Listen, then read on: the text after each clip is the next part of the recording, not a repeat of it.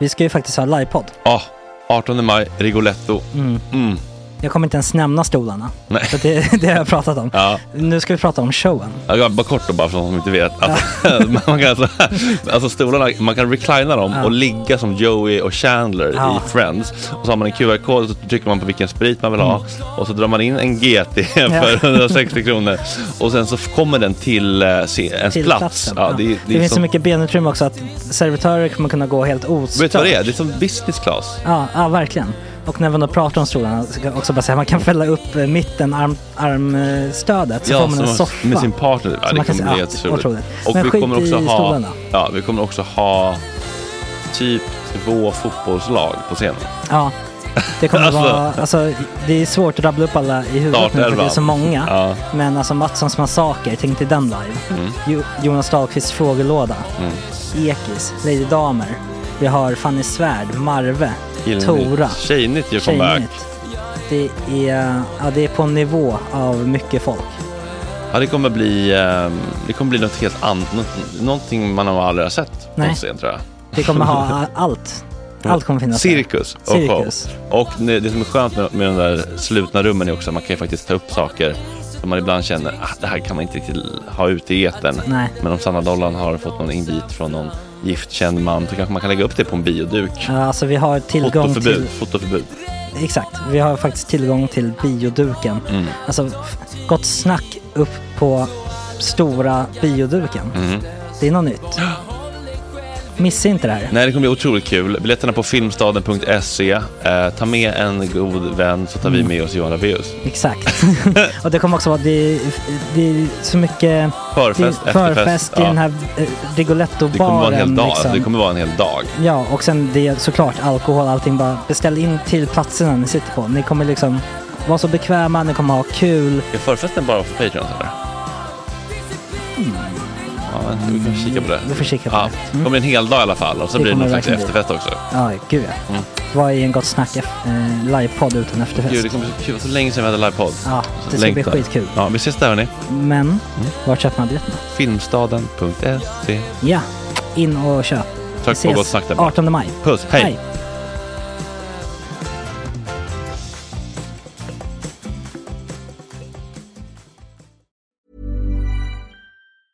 Hey, it's Danny Pellegrino from Everything Iconic. Ready to upgrade your style game without blowing your budget? Check out Quince. They've got all the good stuff shirts and polos, activewear, and fine leather goods, all at 50 to 80% less than other high end brands. And the best part? They're all about safe, ethical, and responsible manufacturing. Get that luxury vibe without the luxury price tag. Hit up quince.com slash upgrade for free shipping and 365 day returns on your next order. That's quince.com slash upgrade. Many of us have those stubborn pounds that seem impossible to lose, no matter how good we eat or how hard we work out. My solution is plush PlushCare. PlushCare is a leading telehealth provider with doctors who are there for you day and night to partner with you in your weight loss journey. They can prescribe FDA-approved weight loss medications like Wagovi and Zepbound for those who qualify. Plus, they accept most insurance plans. To get started, visit plushcare.com slash weight loss. That's plushcare.com slash weight loss. Hey, it's Ryan Reynolds, and I'm here with Keith, co star of my upcoming film, If, only in theaters, May 17th. Do you want to tell people the big news? All right, I'll do. Sign up now and you'll get unlimited for $15 a month and six months of Paramount Plus Essential Plan on us. Mintmobile.com slash switch. Upfront payment of $45 equivalent to $15 per month. Unlimited over 40 gigabytes per month. Face lower speeds. Videos at 480p. Active Mint customers by 531.24 get six months of Paramount Plus Essential Plan. Auto renews after six months. Offer ends May 31st, 2024. Separate Paramount Plus registration required. Terms and conditions apply if rated PG.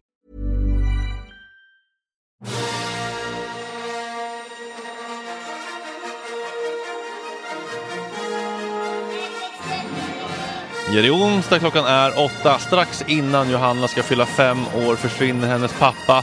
Han lämnar efter sig en lapp på köksbordet med ett kort farväl. Kvar är frågorna.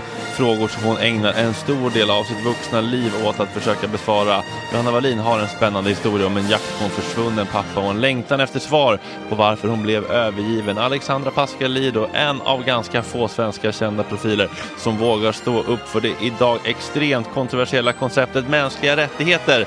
Hur hanterar hon människor som försöker tysta henne? Hur var det att träffa anhöriga till gisslan på Gaza? Hur var det att vara med i Rinkeby under We shall overcome-incidenten? Vad säger kvinnorna hon träffat i Palestina om förtrycket från Israel, Hamas och inte minst deras egna män. Varför är det kontroversiellt att stå upp för mänskliga rättigheter? Varför är vissa människor så cyniska och övertygade om att vi som medborgare inte kan förändra samhället och världen? Varför pratar vi inte om den ökade islamofobin och hur kan vi prata med varandra med ovillkorlig empati? Livemusik av Ida Lova och så mamma Söderholm första halvtimmen och vi pratar om de mysiga lärare som har förändrat oss och mitt dimmiga möte med Jessica Edin på Bokmässan som är tillbaka. Det är lillördag, det är dags att ta en myrkel till frukost, kära ni. God morgon! Tjena tjejer!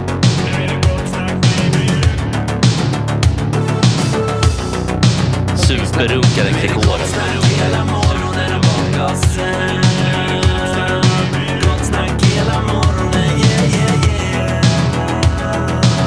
Inte okej. Det här är en fläckmussero. Uh, don't continue Jag please. har skrivit i mitt manus, har ni hoppat på Myrkeltåget, vår fina, fina sponsor? Och då riktar jag helt enkelt frågan till räkan Bruce och August.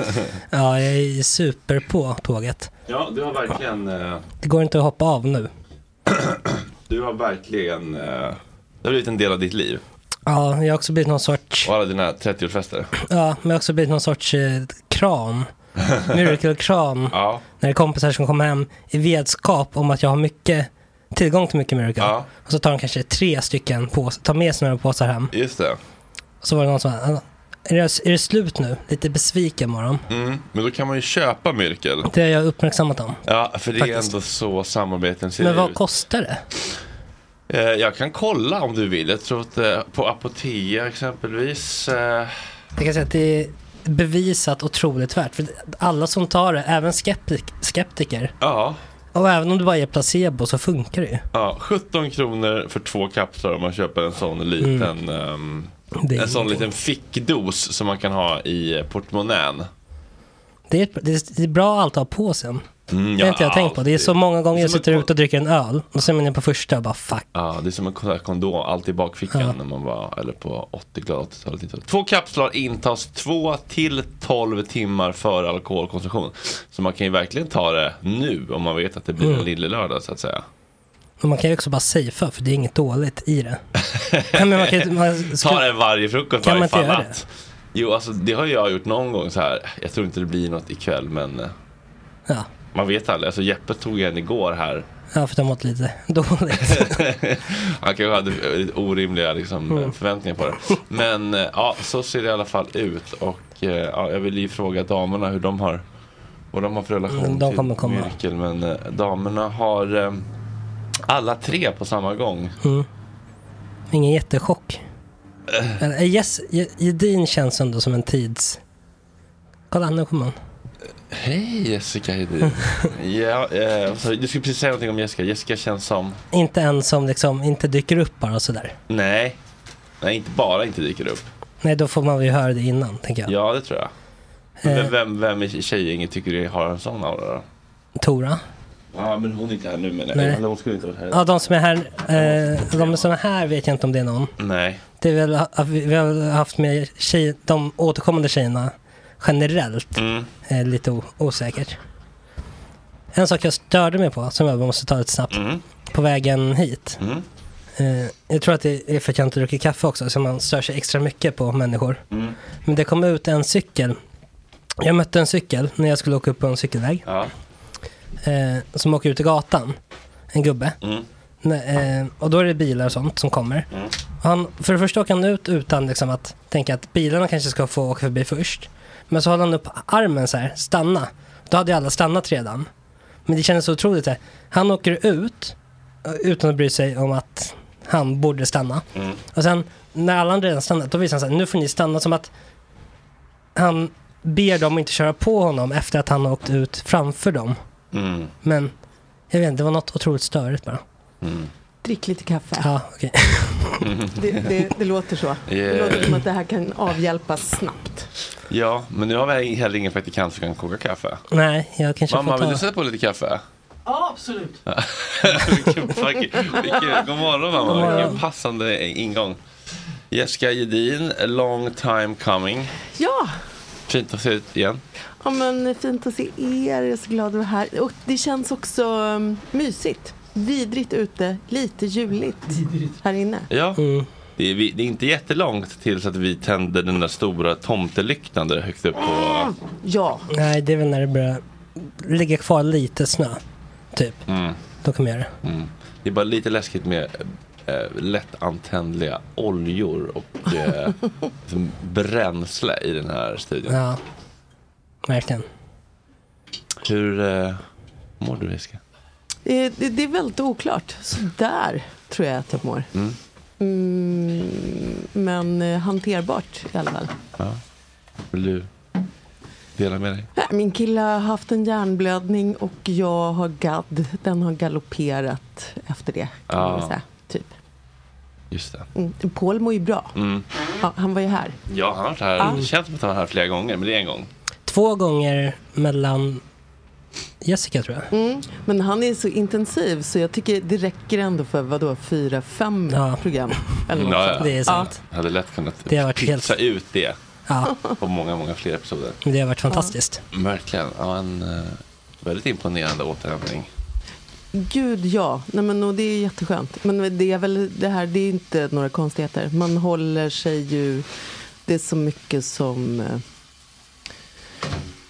måste hanteras när katastrof eh, inträder. Så man har ju inte tid att känna förrän efteråt. Nej, precis. Mm. Man sätter lite känslorna on hold. Ja, men ibland ska jag tycka att psyket är så himla vackert på det sättet. Att det liksom, för det är klart att det är, jag kan gnälla över att jag mår dåligt.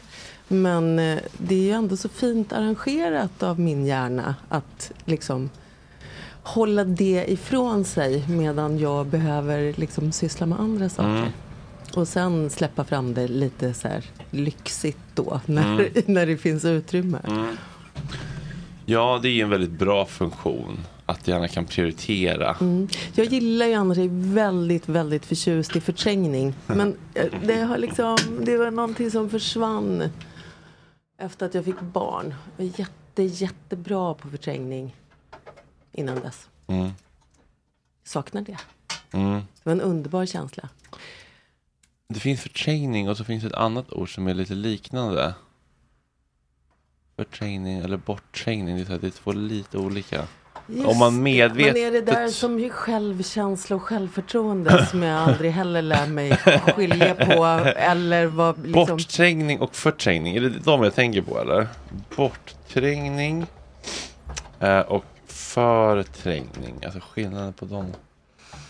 Uh, vad är det för skillnad på diskbråck och spinal stenos? Nej, det var inte det, det, var inte det jag... Senaste sökning. Ja. Ehm, Ja, men bortträngning kanske är det korrekta begreppet. Då. Förträngning är ofrivilligt, bortträngning är mer av en eller hur? aktiv akt kanske. Ja. Eh, gissar nu. ja, men precis. Man kan ju liksom som barn ha massa liksom, dissocierat en massa och inte minnas. Men det är ju bara en ren överlevnadsinstinkt utan man har valt det. Mm. Däremot kan det vara så här. Fan jag bajsade på mig igår på Kristallengalan. Det vill jag trycka bort det minnet. Och så kan man ju aktivt liksom, Ja. jobba på att glömma så att säga. Ja. Och det är väl lite, de, de två olika sakerna. Hur mår ni? August har eh, haft en riktig helkväll igår. Du har att han är ganska täppt i näsan. Nej, men det har varit... Eh, jag har haft halsfluss. jag har tagit antibiotika. Mm. Eh, så var jag frisk en dag, sen fick jag en liten förkylning av min flickvän. Så det är väl det. Ja, känner du ska- dig rädd och ledsen och skör? Nej, nu känner jag mig dum däremot mot den där cykelgubben kom jag på. För att han tackade väl antagligen bara bilen för att de hade stannat. Ja, det Va, ser jag. har du druckit kaffe? Eller vad, Nej, det var chatten som skrev det. Ja. Då kände jag, ja det är Ja. Men också. chatten har en, liksom en, en, en mer kärleksfull tolkning på någonting än en själv. Mm. Då är man riktigt eh, Då får man, då får man kolla på sig själv. Så är det. Mm.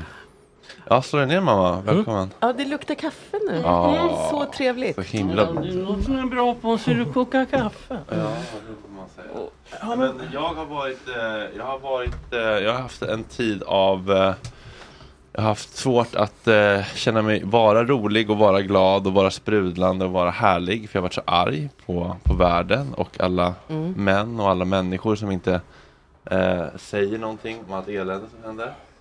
Men jag har eh, loggat ut lite grann Mm. från eh, sociala medier och så. Och dragit ner på massakrerade barn eh, per dag. Vad heter det? Frekvensen. F- kvoten, ja precis. Mm. Eh, och det har ändå gjort bra saker med mig. Mm. But Under covid så eh, rekommenderade ju Folkhälsomyndigheten en timmes nyhetsintag om dagen. Ja. Typ. Och inte pushnotiser och så. Mm. För att man skulle kunna ta in det som händer. Mm. Men inte drunkna i det. Ja, och det där måste man nog kalibrera om när det kommer till barn med bortsprängda halva huvuden. Mm. Från en timme till kanske en minut. Max, Mm. eller så. Förlåt om jag lägger mig i det, Nej, men jag... nej, det är här för att lägga dig i. Jag vill bara hälsa på Jessica. Jag är Ja, ni har inte träffat kanske? stort fan. Hej, vad trevligt. Mamma. Jessica. Jessica, Och, mamma. och, måste- måste jag kalla dig för mamma? Alltså, så på dagis, är du Fredriks mamma? Ja, en gång i tiden hette jag Gunilla var någon som sa. Eh, Ja. Nej, men det här med nyheter. Alltså jag är ju gammal nyhetsreporter och då knarkar man ju nyheter. Mm. Lyssnar på alla ekosändningar och det, det dög inte bara med Rapport och Aktuellt. Eller det dög absolut inte bara med TV4. På den tiden fanns det TV3-nyheter. Mm. Det måste ju liksom vara SVT också så man litar på det. Mm. Så det var nyheter, nyheter, nyheter, nyheter. Nu kan jag säga att jag tror inte att jag tittar på en nyhetssändning på, ja, kan vara ett halvår. Oj, det är så pass? Ja, tittar inte på nyheter. Får, får, du- får, Räknas det, alltså du, rä, du läser inte nyheter Nej, på nej, det kommer kanske upp något ibland så här. Och sen blir jag liksom Men är det uppdaterad. Facebook då som är din nyhetskälla? För det är ju en, också en slippery slope. Ja, ja, ja, ja. Och, i och för sig, och sen har jag lite koll för folk berättar för mig. Men alltså, jag orkar inte. Nej. Och när jag kommer hem liksom efter mina knasbollar, då läser jag bok eller också tittar jag på någon långsam, trevlig brittisk, serie. kriminalserie, Ja. Med mycket hav och hedar liksom. Ja. ja, det låter ju wholesome. Ja, nej, men verklighetsflykten har ju verkligen haft ett uppsving eh, de senaste åren i alla former. Ja, och jag kan säga att det är jättemånga av mina vänner på jobbet som är i 30-40-årsåldern. De tittar inte heller på nyheter. De orkar inte. Nej. Nej. Jag tycker att det är, man har lite mer ansvar som ung person. Ja. Som ska Okej. bygga en värld. Som ska, du, har, du har gjort ditt för att lämna efter en så bra värld som du kan, typ. Äh. Ja, jo, jo, jo, Alltså- jo. Ja, demonstrerat och Alltså, ockuperat. Ja, men är man över 60 så tycker jag li- och liksom har hängt i gamla jävla a- almarna liksom. Och, Ja, det gjorde pappa, din morfar gjorde. ja. Då kan man få lämna över. Mm. Lite så, stafettpinnen, förändra världens stafettpinne kan jag tycka. Men en Äh, 30, 30-åring som är såhär, jag 40, kollar inte på nyheter alls, eh, jag måste skydda min energi. Det är så Nej, här, nej ta men lite n- ansvar. nu är jag orättvis. Den jag tänker på, han är faktiskt 40 plus och precis fått en, ett barn till. Så han är jätteskörd, tror jag. Mm.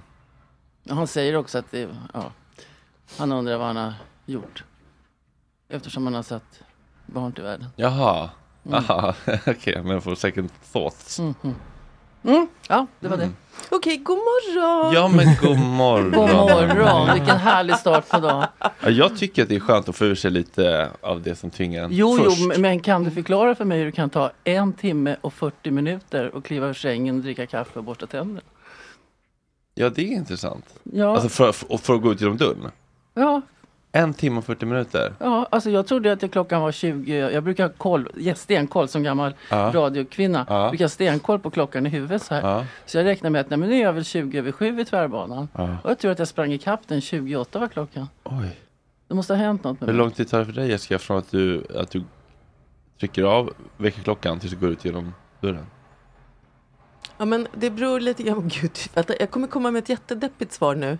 Jag är ju, eftersom jag inte är i toppform så är morgnarna ganska jobbiga. Då behö, eller jag behöver inte, men jag har en väldigt lång stund då det är svårt att gå upp. Jag vaknar ganska tidigt. Jag har inga problem med att vakna. Men sen är det just det där. Och så har jag Grymtas det mycket på vägen upp? P1 på, ja det grymtas, nej det suckas Mm. eh, på ett störande sätt har jag också förstått på min arbetsplats. Att de, de börjar utbyta blickar med varandra. Jag, jag hör det inte längre Mm. själv, de här otroligt djupa, deppiga suckarna. Vadå, Ja. För att du kommer sent eller? Nej, bara för livet. Jag Jaha. håller på och Åh. suckar hela tiden. Ja, Nej. det, och det här är en jättedålig egenskap. Och så känner jag också att det här med hur, vem kommer man att bli? Man vet ju att det kommer komma, säkert redan har kommit, väldigt många dåliga egenskaper när man börjar, liksom, ens personlighet börjar stelna och bli lite så här oförsonlig. Vilka kommer de att vara? Suckandet är ju bara en början. Mm. Mm. Kommer liksom gnället komma Ja, sen? ja, vad, är, vad är det som kommer att komma? Ja, men, och det blir någon så här... Kommer jag börja prata om dagens ungdom? Ja, jo. Jag är rädd för min framtid. Nej men det som vi ser på mitt om, som, vi får ju, måste ju spela teater eftersom vi umgås med knasbollar. Men alltså, eh, det här, om, om du bara går omkring och suckar, hur är det? Ah, jag är så trött. Mm. Det är så jobbigt. Mm. Alltså det blir ingen bra spiral. Nej, det blir eh, inte. Och sen har jag, jo, jag har också börjat med en jättedålig grej som jag kanske demonstrerade precis när jag kom. Mm. Jag svarar uppriktigt på frågan, hur är det? Istället Det för att svara bara, det är en hälsningsfras. Man säger, ja men det är bra, hur mår du?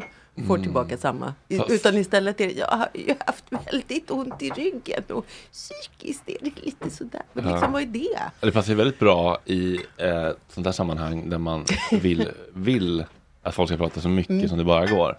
Visst.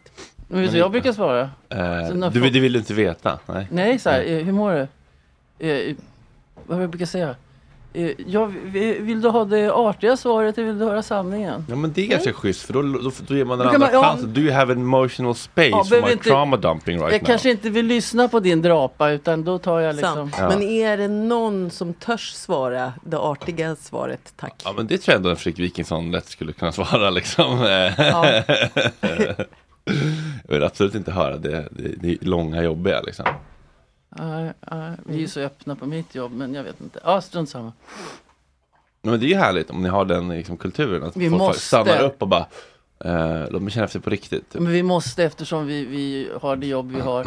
Så, Gunilla, nu måste du säga, vad jobbar du med? ja, det är ibland alldeles tokig på mig, men vi tar det kort. Mm. Jag jobbar med något som kallas, alltså, jag hatar, vi ska inte använda ordet särskola, men då fattar folk. Mm. Men det är alltså, eh, jag jobbar på en skola från eh, förskola ända upp till ett boende och ända upp till gymnasiet. Och det är alltså barn med, ja, grav om man får säga så, autism.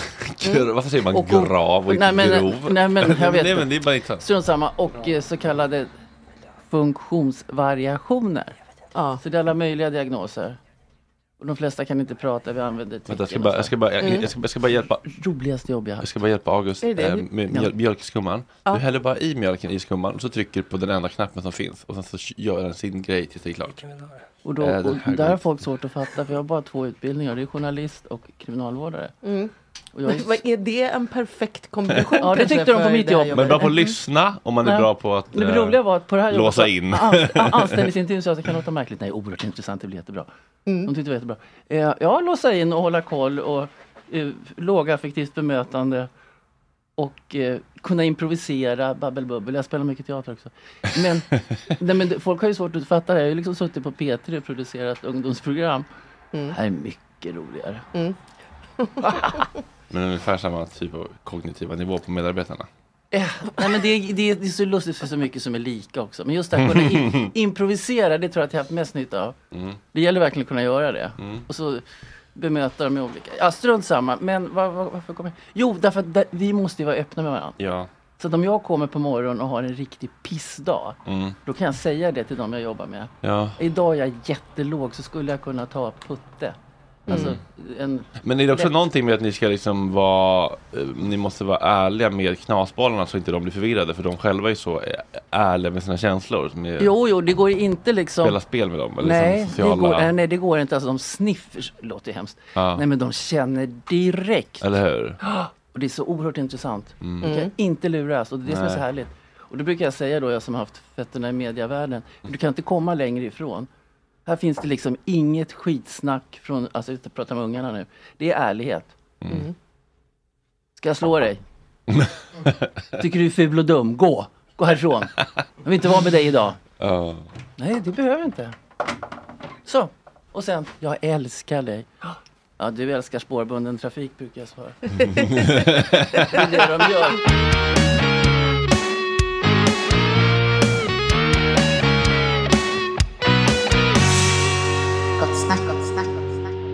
Ja, då har mamma lämnat oss och eh, vi har fått sällskap av Johanna Wallin i studion.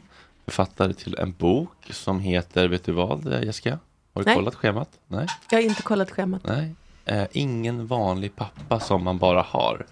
Och det här är faktiskt lite intressant för jag sök, söker lite så här röster om som kan prata om eh, Israel och Palestina från olika infallsvinklar. Mm. Och så var det någon som eh, tipsade om Johanna. Så att det är någonting i den här eh, jakten på den försvunna pappan som kommer ta oss till eh, de här delarna av världen. Mm. Vilket känns väldigt spännande. Eh, Hej Johanna. Hej Johanna, du får, eh, du får om du vill joina oss redan nu. Så, om du känner dig redo. Ska du fylla den enorma, axla den enorma manteln som min mamma Gunilla Söderholm har, har släppt här. I, eh, Men det var väldigt roligt att träffa henne. Jag har ju bara hört henne i eh, Ja. dina poddar. ja, Se där! Kolla! titta. Tyckte du att du fick, eh, var det, var det den k- kvinna som du hade hört kände sig som samma Ja, ja det gjorde det. Ja. Ja. nej, men det var inga konstigheter. Jag kände Nej. mig oerhört eh, hemma. Vad skönt. Johanna, välkommen till Gott Snack. Tack så hemskt mycket. Hur God står det till? Jo, eh, det är bra tack. Det har bara varit en väldigt lång resa. Vi som bor på landet. Ja. Vart bor du någonstans? Långa resor. Jag bor norr om Uppsala, en liten by som Oj. heter Huddinge. Mm. Ja. En liten by, Ja. mysigt ord. Hur många Ja, bor i byn? Typ 300. Ja, då är det en by. Ja, Ja, det finns 300 en liten byn. byskola och en kyrka och en liten ICA. Då känner man de flesta eller? Ja, Skulle du kunna, eh, eh, skulle du kunna se, om, du, om man linar upp alla 300 på byn, ja. hur många skulle du kunna sätta, säga namnet på? Alltså jag har inte bott där jättelänge. Nej, okej. Eh, Jag är verkligen eh, nyinflyttad. Vi kommer nog vara det några generationer framåt. Mm. Men kanske en tredjedel eller Ja, något det är sånt. ändå. Ja, Ja. det tror jag nog. Hur kändes det när det Mm. började sprängas i Uppsala? Förlåt? Det bomb? Idag? Nej, Nej. för några, några, någon månad sedan var det. Ja men det är ju. Stenhagen, där bodde jag förut. Det är Ja, jag van vid. Jag, Mm. jag har bott i Palestina, herregud. Ja, Åtta, nio ja, år. då är det ganska lugnt. Sprängts va? hela En tiden. liten bomb. en liten bomb. Det är semester. för jag, Vardags, va? vardagsmat. Ja. Ah, ceasefire. Mm. Okej. ehm, du är här för att prata om din bok. ja. Eh, och eh, ja, jag är intresserad av bylivet men vi kanske kan pausa det så vi har tid med det efteråt. Kan du inte berätta vad det handlar om? Jag tycker att det lät väldigt spännande. Ja men tack. Eh, den handlar om en eh, pappa som inte är någon vanlig pappa. Som eh, var min pappa under nästan fem år av mitt liv. Tills han en dag försvann. Och aldrig hördes av mer. Och när han var min pappa så var han en fantastisk närvarande, kärleksfull, rolig lekpappa som också var väldigt spännande och hade många berättelser från världen, sina äventyr. Um, och sen försvann han och var spårlöst borta och det visade sig att han inte alls var den han hade utgett sig för att vara och att ingen faktiskt egentligen visste vem han var. Uh, och sen har jag ägnat egentligen mitt vuxna liv åt att leta efter honom. Hur gammal var du när han var din pappa? Jag skulle precis fylla fem. Det var en månad innan jag skulle fylla fem och också en månad innan min syster föddes som han försvann. Eh, och sen så har jag följt varje fotspår och de har inte varit så många och de har varit väldigt motsägelsefulla. Eh, och det här har liksom funnits med som ett parallellt spår i hela mitt liv egentligen. Eh, eller verkligen. Men jag har liksom lagt det åt sidan ibland sådär som man måste göra för att livet behöver få plats. Um, och sen hösten 2021 så hände det plötsligt någonting i den här jakten som fick allting att bara rulla igång igen. Och det var att jag upptäckte att det fanns en Flashback-tråd om min pappa och hans försvinnande. Mm. Och det var ju helt oväntat och lite läskigt och obehagligt först. Men det var egentligen första gången som jag inte var ensam längre och letade. Utan plötsligt hade jag en hel grupp med anonyma detektiver. Men när han försvann, eh, när du var barn, då Mm. liksom försvann, försvann han eller försvann han, trodde ni att han försvann bara ur ert liv? Nej, han försvann, försvann. Ja. Och det visade sig att han inte hette det som han hade sagt att han hette och att han hade varit i Sverige på ett falskt pass. Eh, Han sa att han var engelsman men det visste vi egentligen inte heller om det stämde. Så vi visste egentligen ingenting. Och det var ju då när han försvann var 81. Så att hela, hela den liksom, tidsepoken av sökande var ju väldigt analogt kan man lugnt säga. Eller det har ju varit väldigt Mm. länge. Så det har handlat om att besöka de platser där han har sagt sig vara eller där han har sagt att han har studerat eller där han har sagt att han har haft en koppling. Och det är bland annat då Israel. Eh, så var där jag Varför blev det en Flashback-tråd? för att det var någon som hade läst en intervju med mig från 2009. Eller ett, ett reportage och det hade fastnat. Eh, Mm. Säger den här personen som jag fortfarande inte vet vem det är. Mm. Så det här hade pratats om lite då och då tydligen och så var det någon som tyckte, ja men starta en tråd om det här försvinnandet just. Mm. Det finns ju många eh, som söker efter försvunna personer, försöker hitta ledtrådar och så. Mm. Och så blev det så.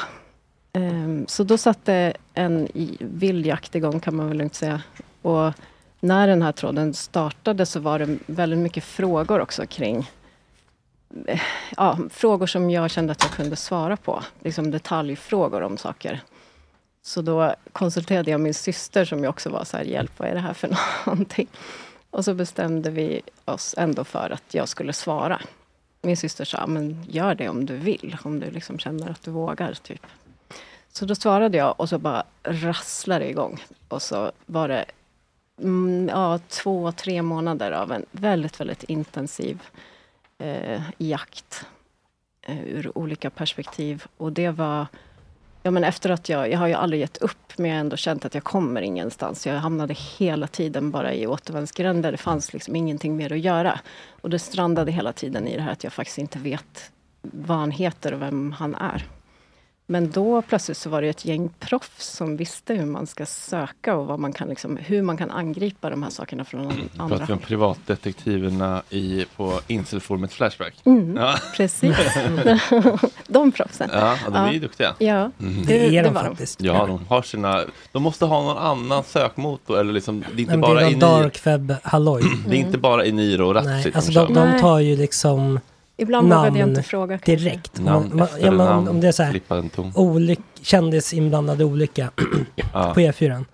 Två minuter Mm. så finns namnet ute på Flashback. Det är helt sjukt. Mm.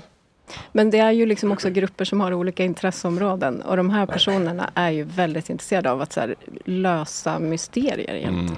Så inte så mycket prat om känslor, mer lösa Ja, nej, men precis, uppgifter. precis. Och det har varit väldigt fint i det här också. För, Ja. att det har, för mig är det ju extremt mycket känslor Mm. i det. Och när vi har liksom eh, fastnat någonstans eller så, så, så märker man att det har funnits ett enormt engagemang bakom de här eh, som sitter och skriver ganska torrt men ändå så här, mm, ja, mm, hoppas. Och sen men, när det, men hade du någon personlig kontakt med dem eller skrevs det liksom i tråd, tråden? Det skrevs i tråden, sen började det- vissa personer skriva till mig också vid sidan av tråden och vi fick lite varningar om kanske personer som inte hade bara goda syften och som la ut lite konstiga saker i den här tråden och så.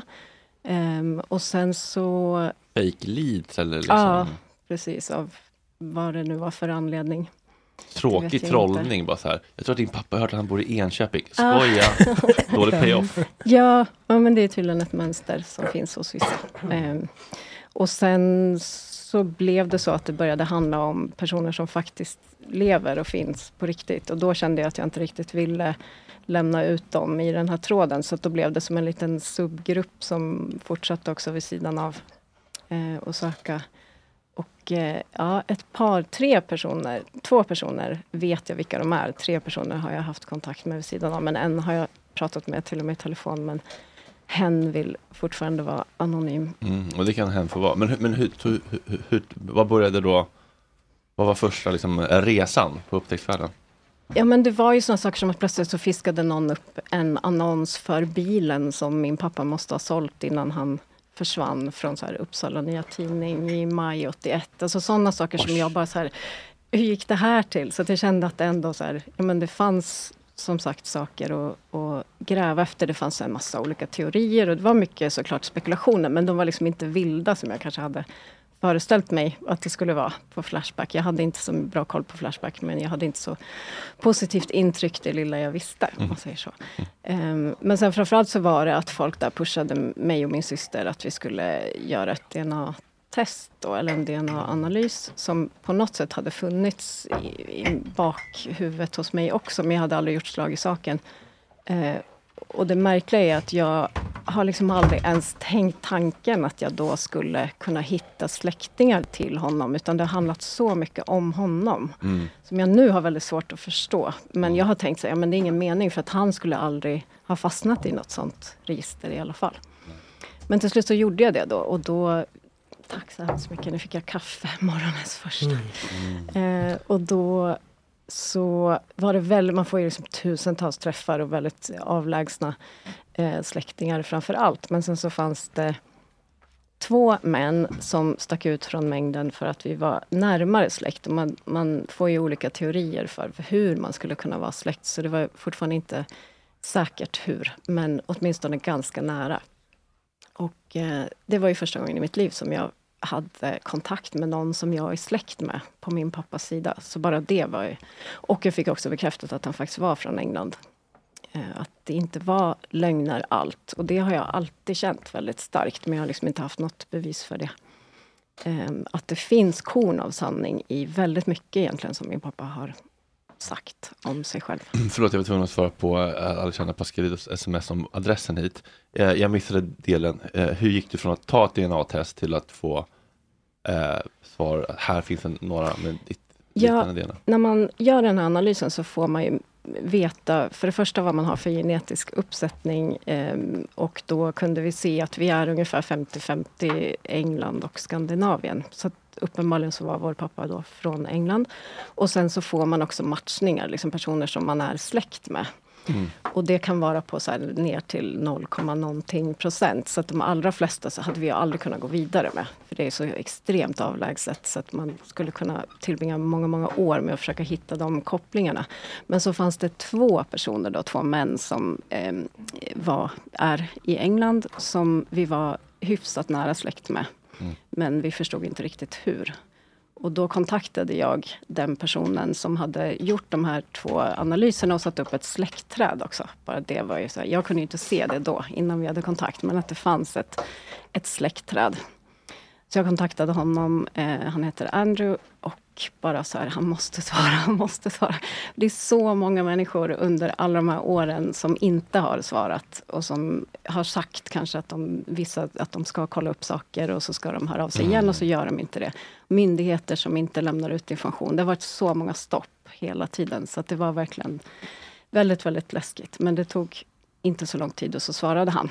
Eh, och så sa han att eh, det var intressant för att det stämmer väldigt väl överens med hur han den uppfattningen som han hade då om sin släkt, att det finns väldigt många luckor. Det finns många personer som, eh, framförallt i hans pappas generation och bakåt, som helt har förlorat kontakten med varandra.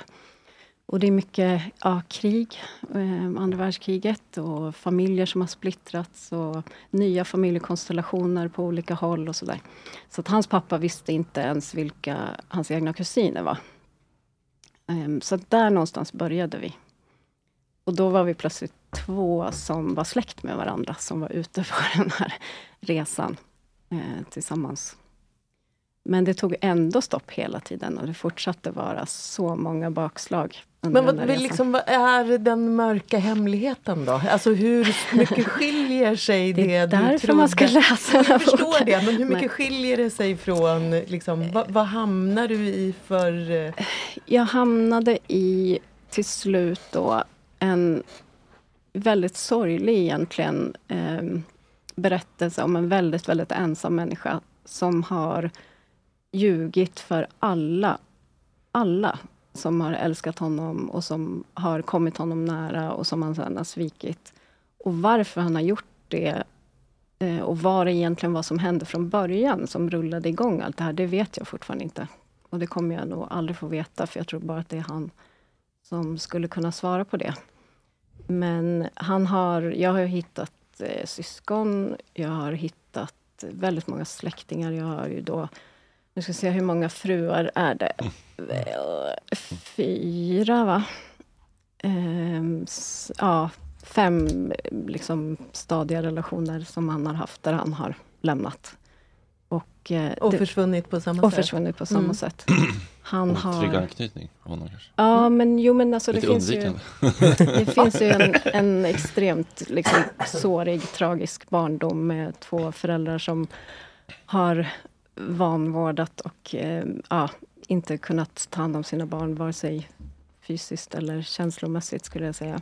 Så absolut finns det ju det. Men det är ju också det som går igen i alla de här berättelserna är den här otroligt kärleksfulla, närvarande, fantastiska personen som de har älskat så Mm. mycket och som de har känt sig så nära också. Mm. Så han har ju lyckats med det under korta perioder. Och sen av oklar anledning så har det antingen hänt saker eller han har inte klarat av eller hans förflutna har kommit ikapp honom, vad det nu är för någonting. Men det är också det som jag mycket försöker att nysta i utan att... Jag har ju fått nästan skriva fram honom för jag har inte Mm. honom. Hade han också andra barn? Mm. Så du har halvsyskon? Mm. Eh, det visade sig att det fanns en äldre syster som tyvärr inte lever. Eh, som var det första barnet som han lämnade och då var han väldigt ung. Eh, och sen har han då gett sig av från England.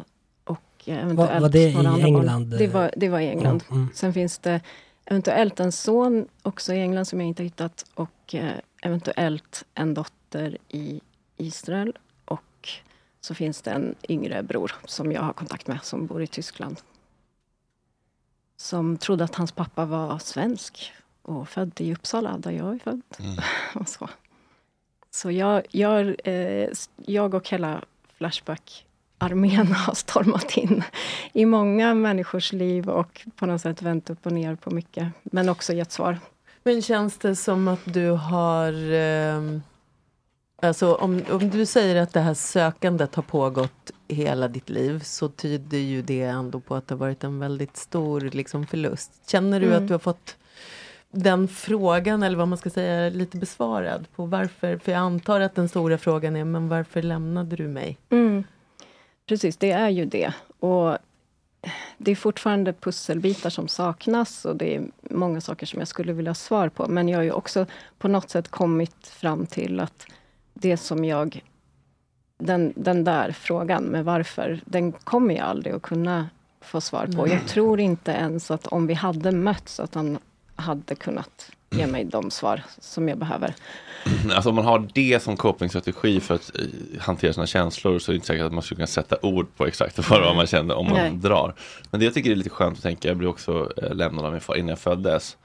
Är att så här, det är väldigt sällan tror jag det handlar om att man som barn inte är älskat Mm. av sin förälder. Utan det är så Exakt. mycket annat som gör att det inte de är oförmögna att Mm. hantera i relationen med kvinnan och sig själva och sina egna trauman och allt vad det kan vara. Men att det, det är lätt att man som barn tänker, jag är inte värd att älskas, Mm. eh, jag var inte älskad, jag kommer aldrig kunna bli älskad. Men det är också ganska självupptaget, så som barn är. Barn är ju supernarcissister av en anledning. Men det, är så här, det är sällan det det handlar om. Mm. Det kan vara en liten tröst i alla fall. Jo men absolut, och det är det ju. Och så tänkte jag ju naturligtvis som barn, att jag på något sätt var otillräcklig. Eller att Mm. om jag bara hade... Och jag blev ju väldigt noga med att vara uppföra mig exemplariskt efter att han försvann. För att det fanns ju en förälder till som hade kunnat också försvinna. Mm, nu gäller det att sköta sig ordentligt. Så Precis, helt och i, verkligen så. Ehm, men, men absolut så är det ju tydligt som vuxen att det handlar om andra saker. Jag har tre barn och bara tanken på att man skulle behöva lämna dem är ju liksom helt omöjlig. Det Mm. går ju inte. Eh, Så det är naturligtvis så måste ju det ligga djupa, djupa sår hos den här personen också. Men det som jag har förstått att han, eh, och som kanske är egentligen det mest smärtsamma, att han hanterade det genom att bara stänga av. Så Mm. verkar det vara. Eh, när han har fått frågor om sitt förflutna så har han bara sagt att det där är för smärtsamt, det vill jag inte prata om. Mm. Och sen- Kille. Kille, ja.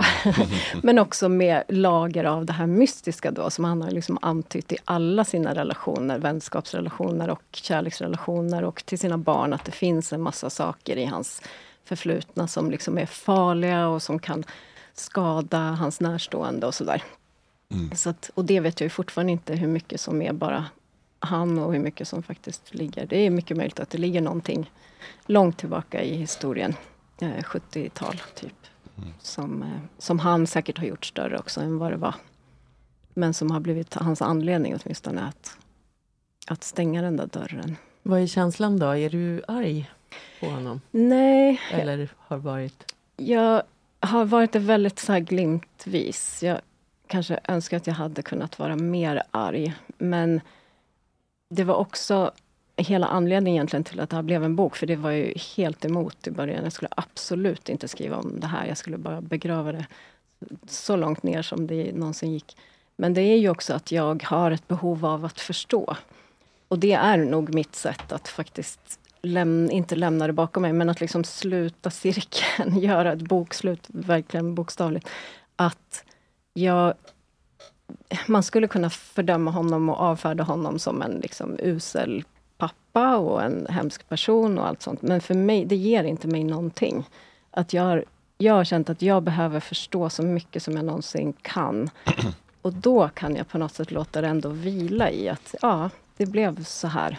Eh, och jag har fått, jag har fått en helt fantastisk faster och kusiner och människor som verkligen har välkomnat både mig och min familj med öppna armar och som också har burit på den här sorgen och också har haft de här frågorna och inte förstått och känt sig sårade och liksom, ja, övergivna på olika sätt. Så det har ju också varit fantastiskt att så kunna ge svar även till andra som har haft samma frågor. Har du slutat leta? Ja, det ligger väl lite på paus nu för att jag inte riktigt vet vad, vad jag ska göra. Men då och då så börjar det liksom knaga i mig att just det där att det finns fler syskon antagligen. ehm, är ju väldigt, det retar mig mycket att jag inte skulle kunna hitta dem. Där är det svårare för att jag har inga namn alls att gå på. Ehm, och sen så är det ju fortfarande det här mysteriet då. Som jag väl inte tror att jag kommer komma så långt med. Men det finns Mm. ändå där. Boken kanske hjälper till? Jo, visst, eh, så kan det vara. Och bara att jag fått kontakt med väldigt många andra människor som har liknande erfarenheter är ju också helt otroligt. Här har jag trott att jag var helt ensam om den här, den här upplevelsen och de här känslorna i alla år. Tyvärr inte. Eller, Nej. eller eh, bra också Jo. såklart. Men nej. Nej men verkligen, man önskar ingen det naturligtvis. Men, eh, men också att jag förstått att det finns mycket som människor kan känna igen sig i utan att det behöver vara så här extremt som det ändå Mm. är med en person som bara helt går upp i, i rök. Um, ja men att ha en frånvarande förälder eller ha, inte känna sig sedd eller så. Inte vara säker på sitt värde kanske. Ja, man kan ju ha en eh, fysiskt närvarande men helt emotionellt frånvarande verkligen. pappa. Det känns ju också ganska vanligt Jessica. Mm, det är väl det. Mm. Så är det nog. Ja.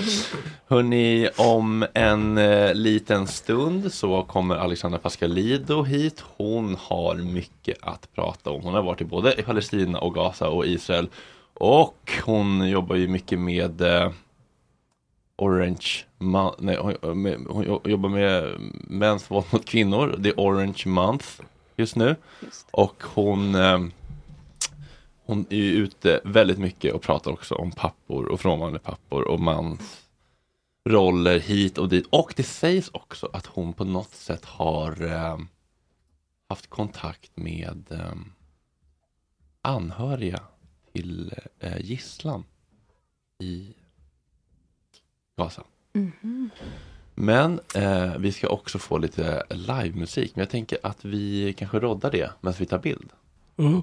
Jag tror att det, det ser ut att vara en gitarr Ja. och en människa. Ja. Vilket är väldigt skönt. Ida Lova också så he- heter eh, artisten i fråga. Mm. Ja, om en liten stund. Ida Lova med sprucket glas. Varsågod.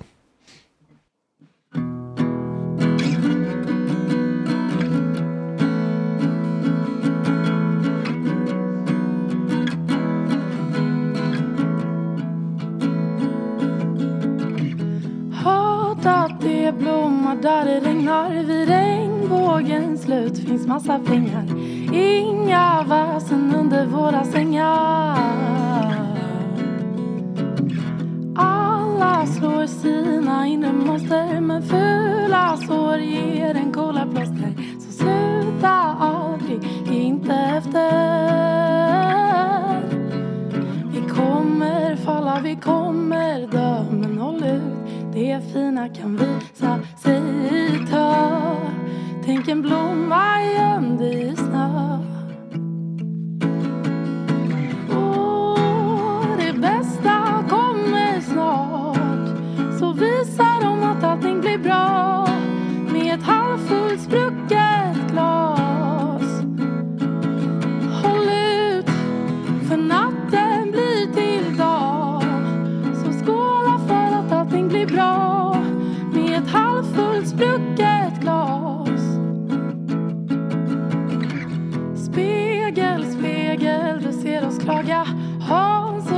Och som i en saga Allt är trasigt men går att laga Varför går vi? Vi borde springa till kalaset Hör glasen klinga Vad är motgångar? Vi har inga Vi kommer falla, vi kommer dö Men håll ut, det fina kan visa sig i tö Tänk en blomma gömd i snö Åh, det bästa kommer snart. Så visar de att allting blir bra. Med ett halvfullt sprucket glas. Håll ut, för natten blir till dag. Så skåla för att allting blir bra. Med ett halvfullt sprucket glas. Jag stannar kvar. Det kommer bättre dagar. Rita nytt och vänder blad. Åh, vi borde stanna kvar. Det kommer bättre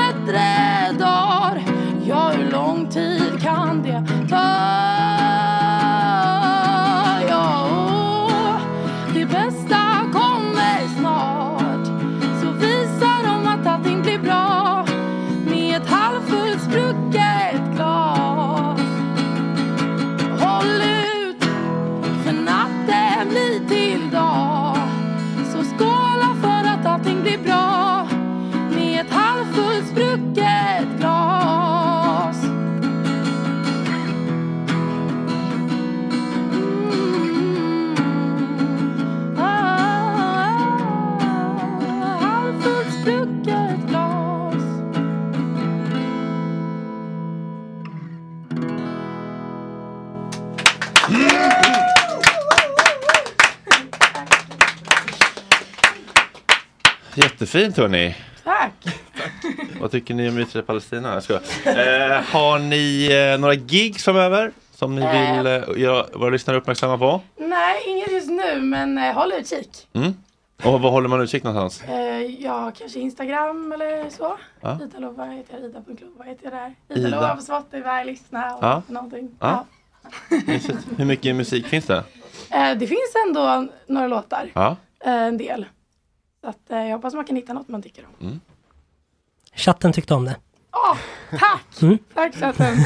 Chatten är inte jättelättflörtad. Nej, det är de verkligen Oj, inte. Det betyder väldigt mycket. Ja. Mm. Tusen tack för att ni kom hit tack och spelade för oss. Då kan vi ta upp eh, damerna. Soffan, Pascal Lido och Jessica Edin igen.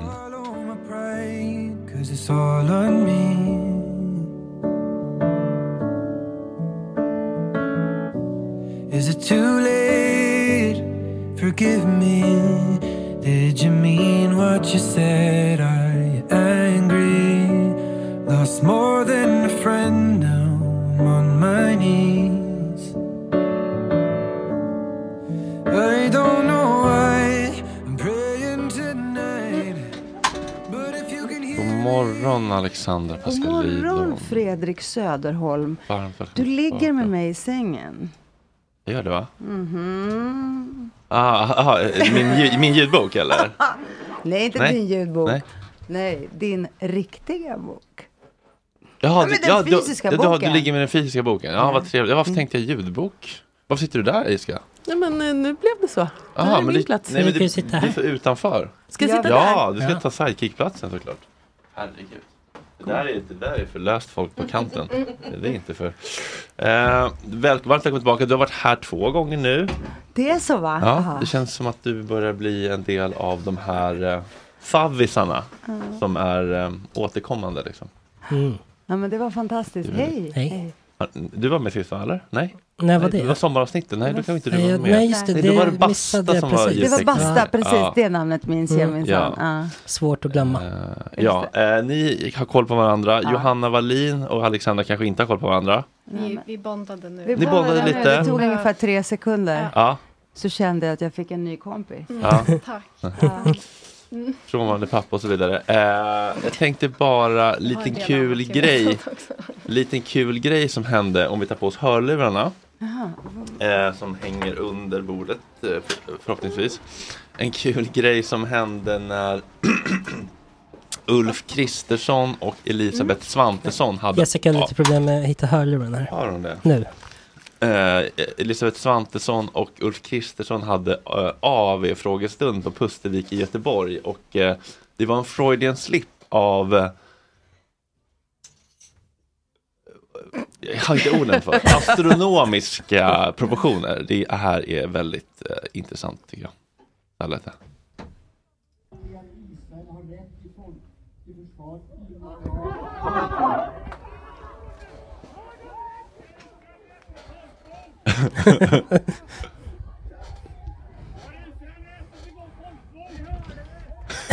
Jag hörde dig.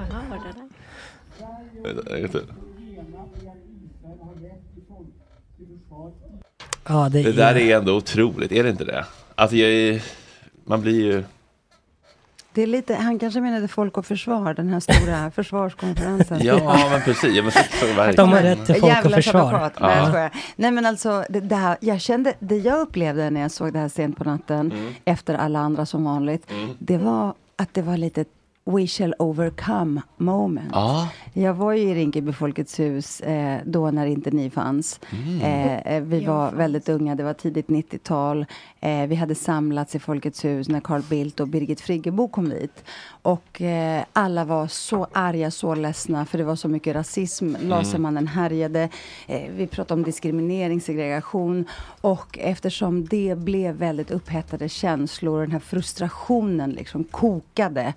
Eh, så så eh, kom Birgit Friggebo. Ja, nej, men först sa Carl, sa Carl Bildt, som jag för övrigt också är vän med och respekterar enormt ska jag säga. Mm. Men då sa han, ja det här handlar om friktionens dynamik. Han använde alltså ord som ingen förstod. Och sen reser sig Birgit Friggebo upp och säger så här, nu tycker jag att vi tar och lugnar ner oss. Nu sjunger Mm. vi We shall overcome. Alltså jag har aldrig varit med om att det har blivit så tyst i Rinkeby i hela mitt liv. Okej, vi För vi kunde inte ens låten. Nej, vi. Men det kan jag tala om att det finns fullt tillräckliga lagar i Sverige för att stoppa det. Jag ska fråga en, en svår fråga till. Rasismen, rasismen ligger inte utanför riksdagen. Hallå! Nu tycker jag att vi gemensamt i denna sal sjunger We shall overcome. Det. Men det blev ingen allsång. Nej, va? ja, det fanns någon liten eh, krock var, där kanske. du var där? Alltså, jag det, var där, Det är jag ett där. otroligt klassiskt, eh, viralt, eh, Historiskt historiskt ögonblick. Nej men verkligen och jag, och jag tolkar ju in helt andra saker än, än jag har hört eh, de som i efterhand gjorde en massa tolkningar. De förstod inte ens, alltså, förutom att det var tecken på någon typ av tondövhet och brist på lyhördhet var man har kommit. Men det handlar också om förmågan att tala eh, tala och kommunicera med folket på ett sätt som är kompatibelt. Mm. Så att man förstår varandra helt Mm. enkelt. Vi kommer ju från hela världen. Hade han sagt så här, nu tycker jag att vi sjunger, hade hon sagt? From the river to the sea. Nej, nej, nej men om hon hade sagt Bella Ciao. Ja. Den, hade, den kunde, här kom det ju liksom människor som hade eh, vet, eh, revolterat eh, mot, eh, mot diktaturen i Chile och det var Mm. en massa andra människor som hade lämnat länder, flytt till Finns det Sverige. ett finare eh, eh, eh, ord, det, ordspråk än tala till bönder på bönders vis? För det låter ju lite nedlåtande. Men, det. men principen att prata med människor, möta dem där de är eller Mm. där Just det det. de kommer. Ska vi sjunga Ej, vad gör du med din göt? Är det Latin Kings eller? Jag vet inte, det är Nej. sån här klassisk... Nej, det är inte Ja. Latin Kings. Nej. De använder inte gött. Nej. Nej. Eh, Alexandra, vad, eh, vad, vad går du runt och tänker på just nu, nu för tiden? Nej, men jag har varit i 38 orter tror jag med, och talat om de frånvarande papporna. Min bok Var är papporna? Mm. Och eh, den eh, destruktiva mas maskuliniteten, machokulturen. Och i, på vissa orter så har det kommit eh, olika såna pappagrupper, bland annat i Bergsjön. Men, Ja, en massa olika. Och sen så eh, kommer också organisationen Män ibland. Så det har varit jättespännande. Och eh, nu i helgen i Finland, i Ekenäs. Så det är massa. Imorgon i Karlstad har jag två föreläsningar, en på universitetet och en på kvällen. Så jag är helt eh, alltså, ockuperad eh, mentalt, intellektuellt, känslomässigt av alla de samtalen och de föreläsningarna där jag försöker sätta det här i en politisk, historisk, litterär kontext. Men sen givetvis också har jag ju inte sovit de senaste 45 dagarna som jag ju vet att väldigt många inte heller har kunnat göra. För jag är för jag tycker att det- det som händer är helt ohyggligt. Jag tycker vi le- lever i en, faktiskt i en skrämmande tid. Mm. Det tycker jag också. Jag med. Simon, finns det lite mer kaffe? Då tar jag jättegärna lite mer kaffe.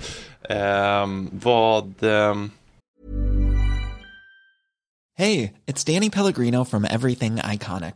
Ready to upgrade your style game without blowing your budget? Check out Quince. They've got all the good stuff shirts and polos, activewear, and fine leather goods, all at 50 to 80% less than other high end brands. And the best part? They're all about safe, ethical, and responsible manufacturing. Get that luxury vibe without the luxury price tag.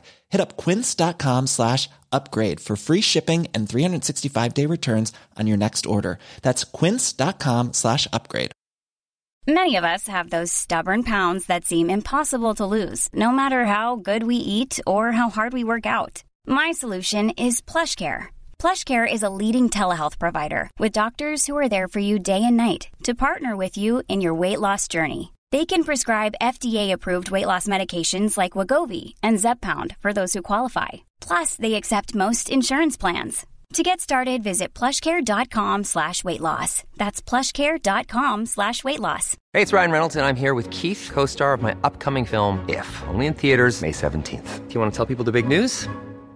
All right, I'll do it. Sign up now and you'll get unlimited for $15 a month in six months of Paramount Plus Essential Plan on us. Mintmobile.com slash switch. Upfront payment of $45 equivalent to $15 per month. Unlimited over 40 gigabytes per month. Face lower speeds. Videos at 480p. Active Mint customers by 531.24 get six months of Paramount Plus Essential Plan. Auto renews after six months. Offer ends May 31st, 2024. Separate Paramount Plus registration required. Terms and conditions apply if rated PG. vad, vad, vad är det som är skrämmande? Skrämmande är, förutom eh, allt detta brutala våld eh, här och där och överallt i världen och det vi ser eh, liksom utspelar sig inför våra ögon som också gör att väldigt många av oss känner en enorm vanmakt. Eh, så tycker jag det också, som är också väldigt skrämmande är avhumaniseringen som vi ser som präglar retoriken, inte bara i Sverige och internationellt. Alltså jag följer ju internationell press och allt möjligt och det, det är genomgående och jag har ju samtidigt två hemländer där jag jämför. Det är genomgående och det har också blivit på något sätt eh, så legitimt att användas, att kalla människor för djur, kalla dem råttor, eh, fullkomligt beröva dem på sin mänsklighet. Och det här är också ämnen som jag har jobbat med, inte minst med, redan med mammorna. Hur man inte alls eh, kände empati och solidaritet och sörjde kroppar i våra förorter, alltså bara en kvart bort. Eh, barn och unga som mördades. Och vi ser det exakt samma fenomen här. Det varierande och villkorade människovärdet och de dubbla måttstockarna. Och jag ser också den här retoriken som gör mig väldigt bekymrad.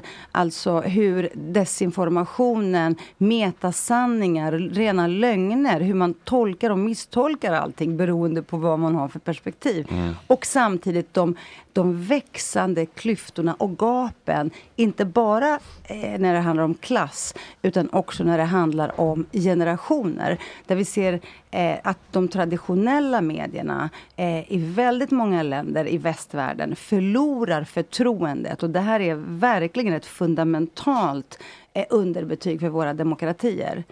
Hur de traditionella medierna både möter en enorm misstro i sin rapportering och hur unga människor allt mer söker sig och konsumerar information och nyheter i bland annat TikTok, Instagram och så vidare, i helt andra sociala medier. Och där uppstår ett enormt gap eh, där, där vi liksom nästan befinner, befinner oss i så parallella universum. Mm.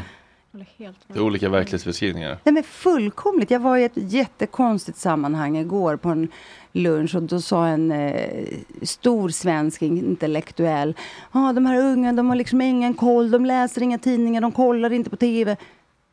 Nej, de gör inte det för att de inte heller litar på den rapporteringen.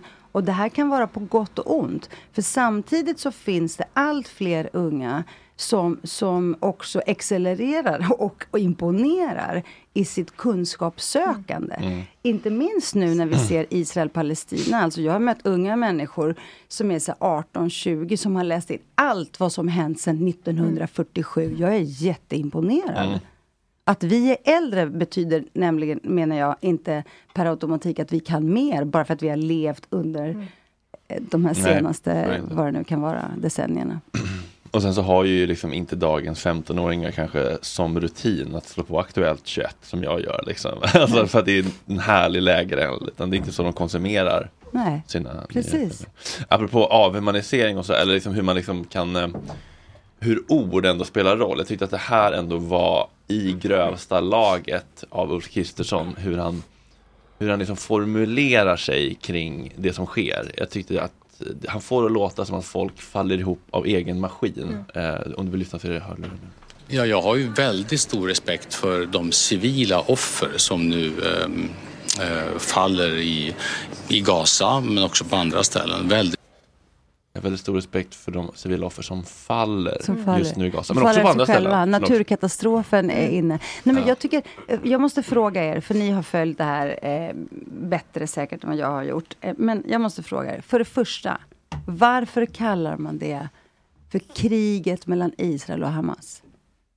Ja, för, eller för att man inte vill eh, använda den rätta benämningen för att man inte vill trampa Israel på tårna. Man vill inte säga- Nej, men, nej, men förstår ni mitt problem? Ja. Alltså, Hamas är en terrororganisation som jag tror att den absoluta majoriteten fördömer. Och det som hände den 7 oktober var helt fruktansvärt.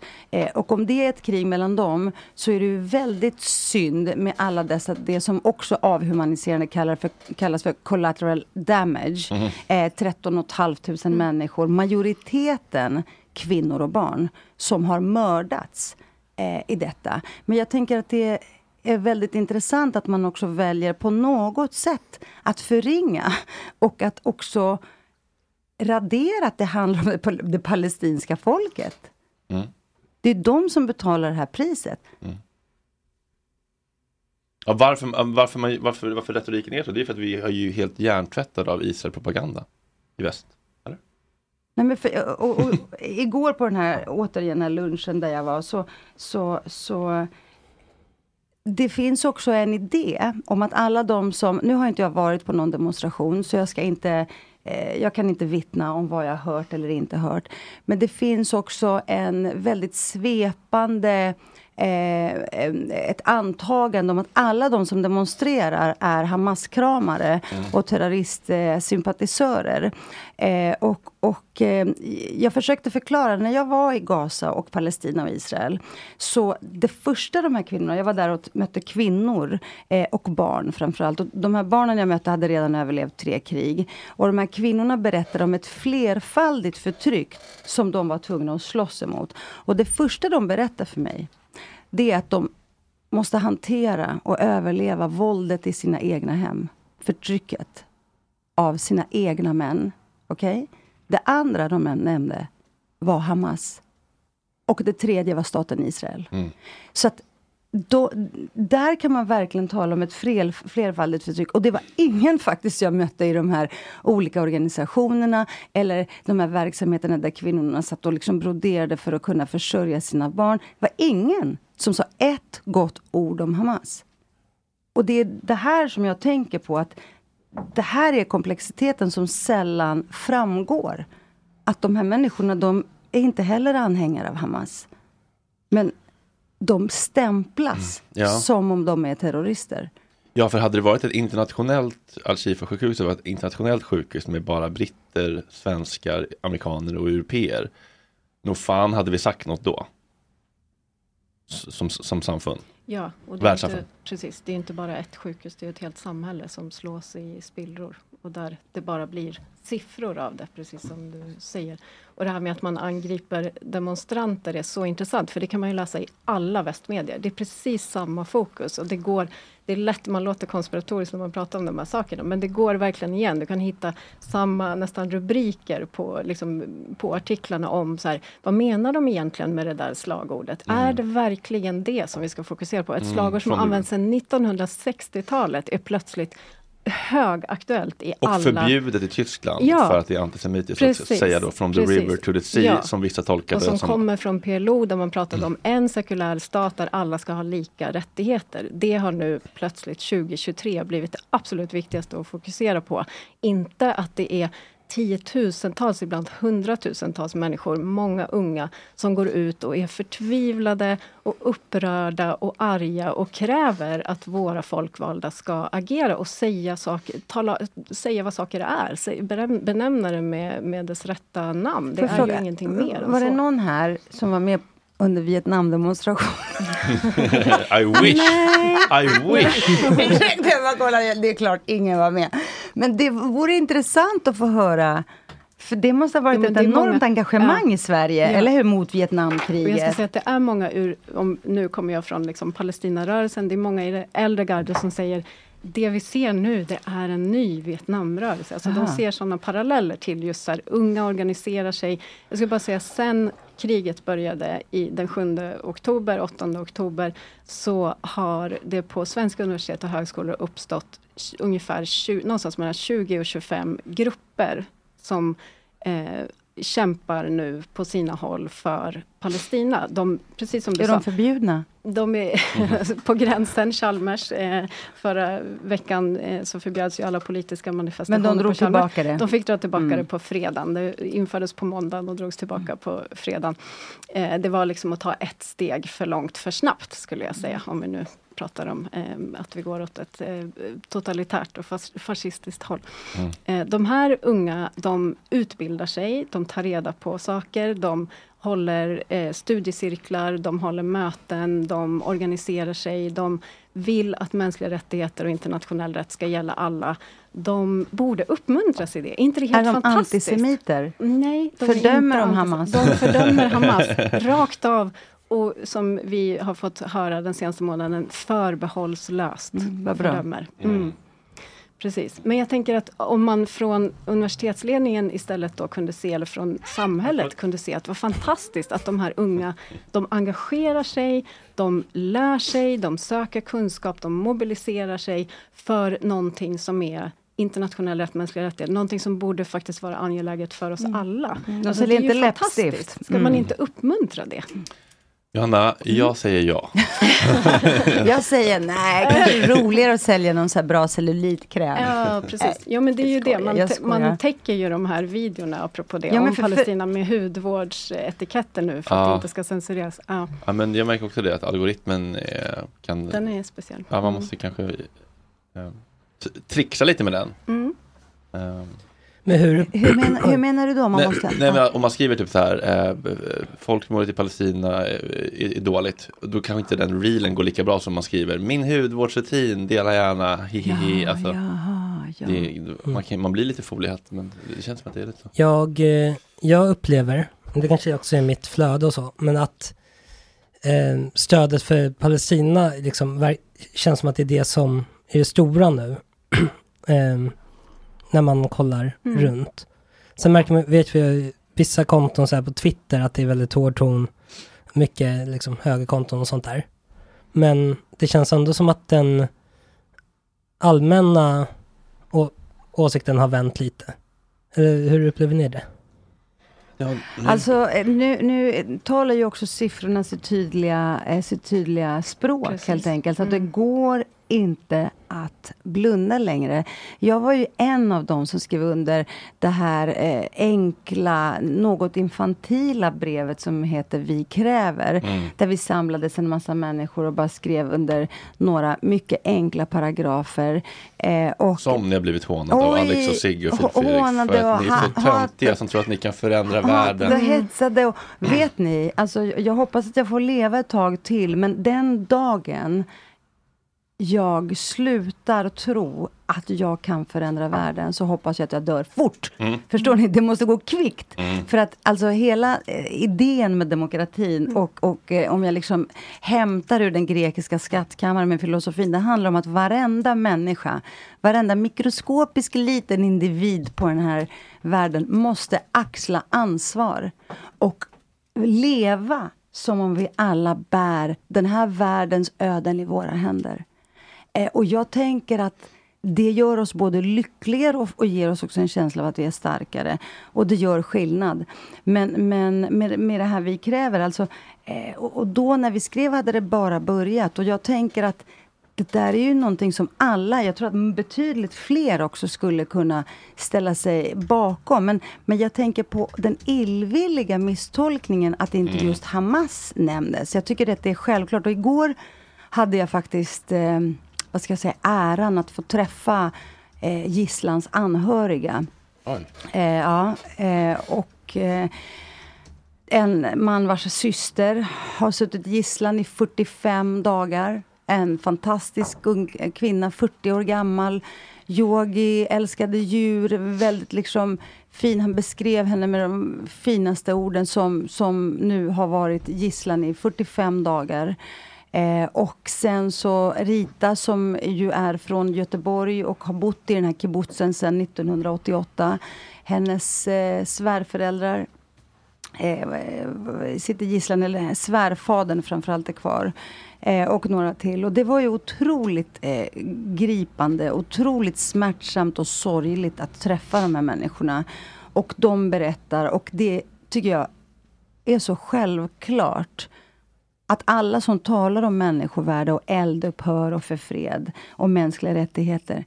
Alltså, det är självklart att det är akut att de här människorna måste släppas.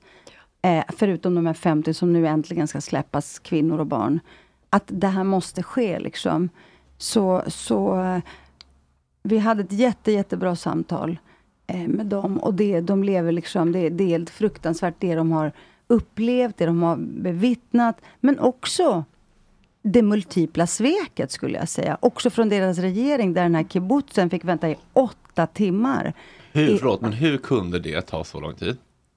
Hon, den här väldigt modiga människan, förklarade för oss, Rita, att de tillhör inte Netanyahus och den här regeringens väljarkår. För det här är Oh. vänsterjudar som bor en och en halv kilometer från Gaza. Och de hade utvecklat relationer med palestinierna och de var vänner och de kunde höra, liksom, hon läste upp WhatsApp-meddelanden. Hur mår ni? Hur går det där borta? Och så vidare.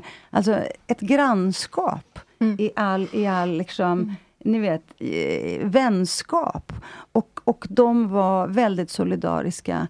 Och hennes tolkning, som hon berättade för oss, var att man offrade dem i princip. Det här är inte de fascistoida extremhögerväljarna som stöttar de här. Det här är de andra, helt enkelt. För, att de, för det känns ju ändå som att Israel har kapacitet att eh, svara på ett 112-samtal och åka ut och, och liksom eh, Ja, men när det handlar om en sån brutal attack. Ja, när det Alltså, är det här, nu, nu den kommer Hamas, då brutaliteten. borde de vara där på liksom sju minuter som Mm. en polis här. Alltså, Exakt, så att, så att jag tänker att de här människorna, vi får inte heller glömma att alla judar är inte alla judar. Nej, och alla på, på exakt samma sätt. Och de, De inte stö- Israels stödjer inte regering. Israels, precis. Nej, precis. det har ju också varit väldigt starka protester i Israel. Mm. Och det är ju de man tror också har lett fram till detta eldupphör, den här pausen som Mm. nu ska tas. Eh, För att det finns ett sånt hårt tryck inifrån. Precis, det måste ju komma från ingruppen på något vis. Liksom. också. Precis, och sen den israeliska fredsrörelsen har ju också varit väldigt tydliga med att anledningen till att man också inte har bevakat den här, det här området eh, tillräckligt är ju för att militären är upptagen på Västbanken där det finns över 130 bosättningar med israeliska medborgare som bor på då stulen eh, palestinsk mark och som behöver beskydd av militären. Det är så Just det fungerar. Man har militärbaser kring varje sån här bosättning. jobbigt måste vara. Stjäla land och sen måste man ha militär som Mm. bevakar ens Ja, stulna och land. särskilda vägar som man åker på som inte palestinier får använda och sådär. Det är ju så det ser ut över hela Jag minns en eh, man som berättade att de inte ens får bygglov. Nej, där. oh nej. Nej, Att de inte får bygglov, inte ens på palestinsk mark Nej, får de bygga. Mm. Så då blir det svartbyggen och då kommer de och river Mm. helt plötsligt och oannonserat och kastar ut liksom barnfamiljer. Men mest minns jag faktiskt en man, jag tror jag la upp honom på Instagram, eh, som han och hans lilla son gick tillbaka till rasmassorna och satt där hela dagarna. De gick tillbaka till sitt gamla hem. Det var liksom ett höghus och de hade bott på första våningen. De satt där. Och jag mötte honom där. Liksom. Han hade kämpat i hela sitt liv för att skaffa sig ett hem. Mm. Och så bombades det. Och så gick de tillbaka, han och hans son, till det här varenda dag. Liksom. Det var helt... Ja, och alla, men, men det jag mötte då också, menar jag, eh, det, som, som, jag- som gjorde ett outplånligt intryck, det var de här israeliska kvinnorna och de palestinska kvinnorna i Tel Aviv, som eh, hade en freds, ett fredsprojekt. Eh, och gissa om de också fick hat. Mm. Men ändå, alltså det modet eh, och det civilkuraget att samarbeta över alla gränser vecka efter vecka. Eh, det var fantastiskt. Så att jag tänker att vi borde på något sätt rikta blicken ditåt. Och här återigen, apropå toxisk maskulinitet Mm. och destruktiv machokultur och skulle jag säga. militari- militariseringen i världen. Alltså efter gisslan, eh, möt, mitt möte med de här an- anhöriga till gisslan, så såg jag Napoleon på bio. Mm.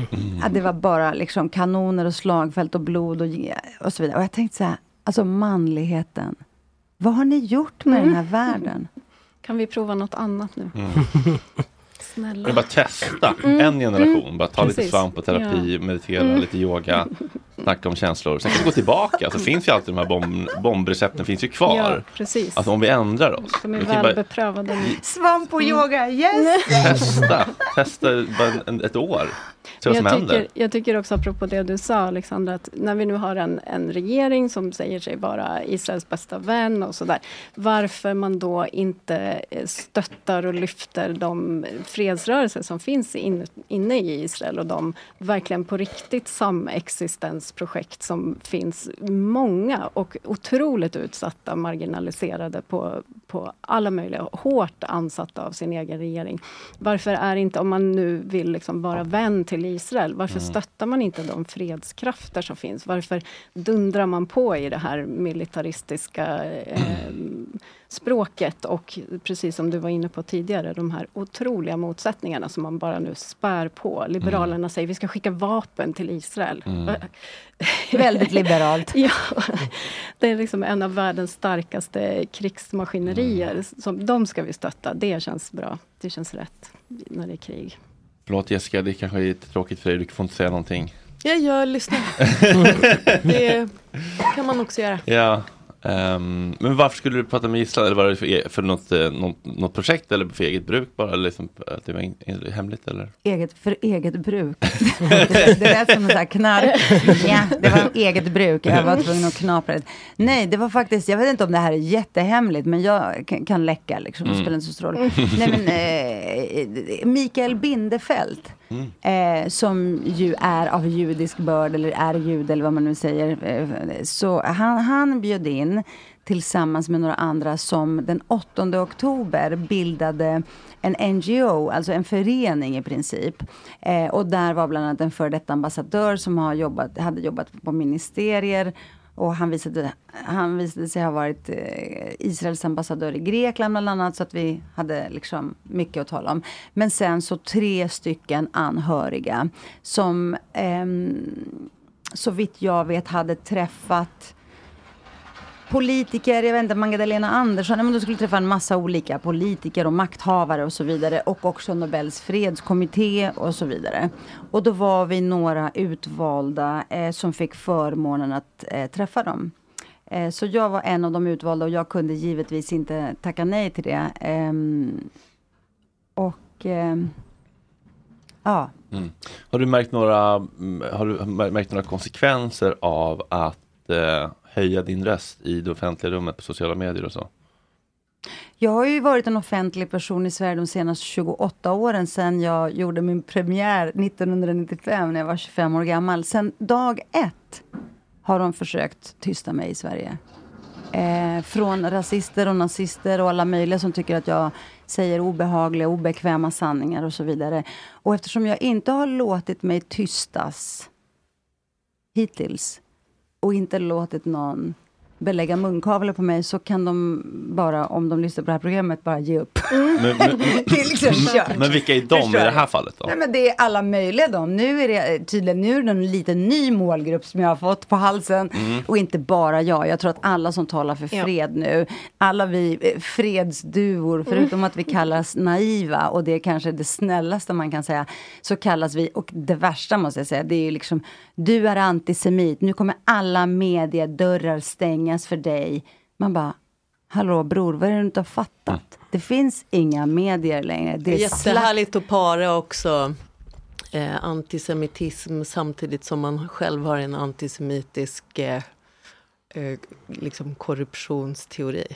Ja, absolut. Ja, du kommer absolut. ut för du jobbar medier för medierna Ja, ägs av judar. fan. Jo, men, men eh, ja, absolut. Men det är alltså judar som skriver till mig. Så det är inte, eh, så att, ja, det, det är lite försvårande omständighet faktiskt. Att det här med, och från och med nu, och då betänk då att jag i hela mitt liv har bekämpat antisemitism. Alltså jag var nära och föreläste runt om i landet, jag vet inte hur många år med Heddy Frid bland annat, med Emmerich Roth. Jag har lett alla de här manifestationerna på Kristallnatten, på Raoul Wallenbergs torg, när nazisterna kom för några år sedan. Det var iskallt, Kristallnatten infaller den 30 november. Jag vet få människor som har kämpat så hårt. Och att någon då eh, fanatisk människa eh, tycker att eh, vi kräver att jag signerade det här ska föranleda att jag aldrig mer ska få jobba i media. Ah, Alltså, Men har du märkt någon- Ärligt talat, tror jag bryr mig. Dessutom är det en enorm slakt. Vi vet att de som får jobba inom medier, det är liksom de som redan är där. Och jag tycker ju att jag gör, tycker att det är fantastiskt att få göra helt andra saker. Liksom. Skriva pjäser och skriva böcker och sånt där. Mycket roligare. Så, så det har varit som sagt en liten ny grupp som eh, har, har framfört lite mer sofistikerade hot. Mm. Men jag fruktar ingen. Nej. Men, men, har, men har du märkt någonting att det, liksom- att det ringer mindre? Telefonen slutar Eh, ringa? Jag, jag, höll- jag, höll på, jag, jag höll på att förlora ett krönikejobb och eh, då sa de så här, ah, om två dagar skriver du din sista krönika. Och då skrev jag min sista krönika som handlar om att bli tystad och då fick jag fortsätta skriva. Är det så? Ja, då sa de skriv en annan krönika. Otroligt. Du får fortsätta. Då var det plötsligt inte nedskärningar längre. Wow. Ja, men du vet, jag har varit med så länge. Du vet, man kan inte köra med mig. Det, liksom, de är körda. Mm. Förstår? Jag ser rakt igenom det där. Mm. Så att, jag, jag menar, den ultimata friheten eh, och det är det största privilegiet är att kunna säga vad man vill. Och det jag säger, jag är ju inte extremist på något sätt. Även om det anses kontroversiellt i Sverige 2023 att stå upp för människovärde och mänskliga rättigheter och demokrati. Och jag har en liten bibel, fast jag inte längre jobbar med public service, så har jag public service handbok. Mm. Där det står att vi har en skyldighet att ta ställning mot rasism och våld. Eh, och det tycker jag är det absolut viktigt. Och för demokrati. Att, och att värna mänskliga rättigheter. Jag har den här faktiskt. Jag har den i anteckningar. Ja, har det. Alltid. Ja. Det är en fet bibba ändå. En rejäl bibba. Nej, men det är en fet bibba, men framförallt är det otroligt viktigt Mm. att som journalist, och då i synnerhet när du jobbar med public service, så har du en skyldighet. Det är inte en rättighet att ta ställning mot våld. Det är inte en rättighet att ta ställning för mänskliga rättigheter. utan du har en skyldighet. Det tycker Ja, jag är så vackert. Men också att jag följer den svenska grundlagen som vissa verkar ha missat. Så det, det är jättemycket hat just nu mot FN, Röda Korset, eh, Médecins Sans Frontières, eh, UN Women där jag också är ordförande. Eh, alltså det är så mycket hat mot alla och alla är tydligen liksom propagandister och så vidare. Så att det här är inget, det, det är liksom, det är bara att köra. Mm. Det, är- det är inte så mycket mer liksom att göra. Här finns det massor, men jag ska inte läsa för er. Det finns liksom, ja, ja.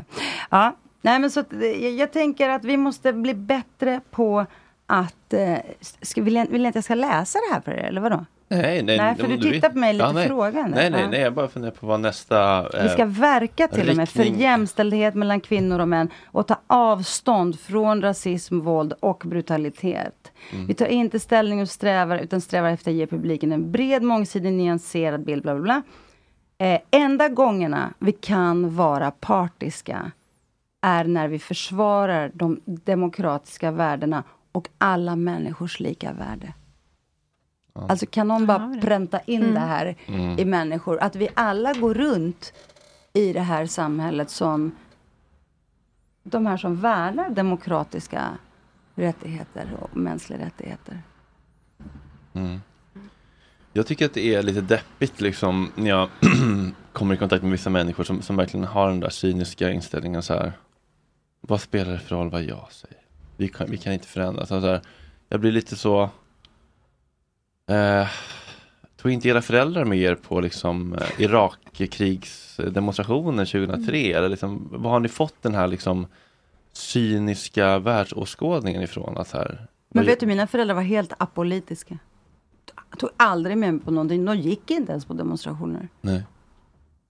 Du har hittat själv på något vis? Eller liksom? Ja, nej, men också liksom när jag såg de här orättvisorna tänkte jag, intalade jag mig och därför blir jag glad när jag hör dig här om universiteten och så vidare. Och jag blir otroligt glad när jag hör liksom unga människor som engagerar sig oavsett om det är klimatet eller vad det nu kan handla om eller, eller Sudan eller andra konflikthärdar eller för kvinnors rättigheter. Det är fantastiskt. Vi måste uppmuntra det ist- istället för att slå ner det.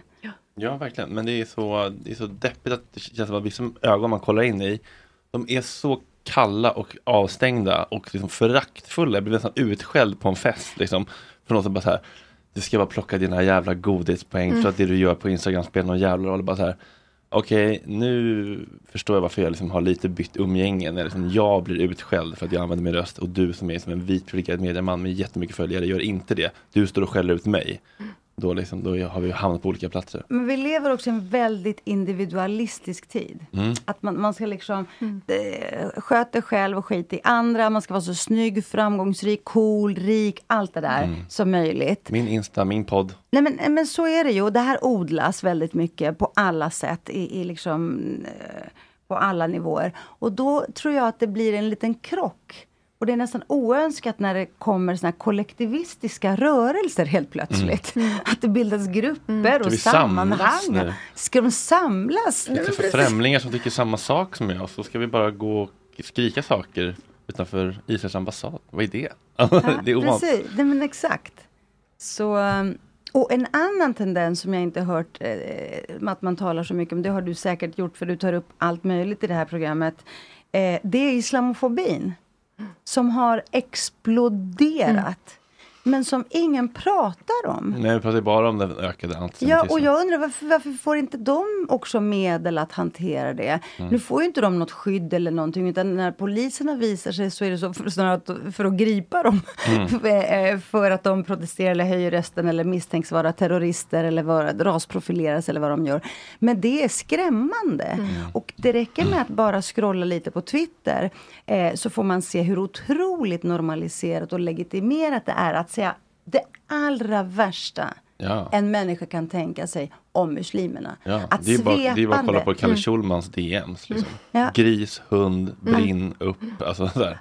Precis, en och en halv miljard människor kan man alltså bunta ihop hur som helst och, och, och demonisera på det värsta tänkbara sättet. Också våra politiker gör detta. Och jag ser ingen som ställer sig upp och bara Hallå, nu får det fan vara nog. Vad håller ni på med? Nej, Mm. nej verkligen den, eh, den eh, fighten är ingen som är särskilt intresserad av att ta. Men jag tänker också alla dessa människor som har närstående, inte bara i Gaza men också på, ja, på Västbanken, andra delar av Palestina som nu känner sig så oerhört övergivna och liksom står helt utan stöd eller bara någon slags omtanke från de som har beslutsfattande positioner eller, eller på universiteten för den delen. Att så här, det här är någonting som angår, det angår mig otroligt mycket. Jag mår fruktansvärt dåligt över det här och jag är inte palestinier. Hur ska det då inte vara att ha sina nära och kära i Gaza, på Västbanken, där det också är brutalt våld. Mm, Eh, det passar ju men- på nu. Nej, men ja, alltså, visst. Bulldozar ner Mm. Arafat-statyer och liksom. Ja, Nej, men det är de här 200 Ga- döda bara sen. Gazasvenskarna, de som kom tillbaka, var det ett 50-tal? Ja. Alltså har ni sett? Jag, knappt, jag vill jättegärna intervjua eh, några av dem. Ja, du kan få några namn av Jag, mig. jag skulle jag också. jättegärna göra Mm. intervjuer med dem. Därför att ingen verkar, utan istället har man skuldbelagt Ja. dem. Varför åkte de till Gaza? Mm. Nej, men det är UD har han som- sagt att inte åka dit, det är ett Precis. stort eget ansvar. Ja, exakt. Ungefär Precis. som att de skulle åka på någon så här flashig semester. Mm. Och det finns en insinuation om att de skulle utnyttja landet, att de inte är Ja, flyktingar är på riktigt. riktigt, Det precis. Står här med era Burberry-väskor, oj Nej, vad men det var med. Exakt, och det är ingen som bara okej, hur eh, som möter upp dem kanske, för Ja. de har ju också varit med om De varit det här traumatiserande. Precis. Under en månads Ja, tid. alltså, Hade det varit de Lena barnen- och Gösta från Tyresö, då hade det Oj, varit nej, men då hade ett kristeam inväntat på Landvetter och Ja. Arlanda. Och, Billström hade stått där och hälsat välkomna. Ja, ja. ja,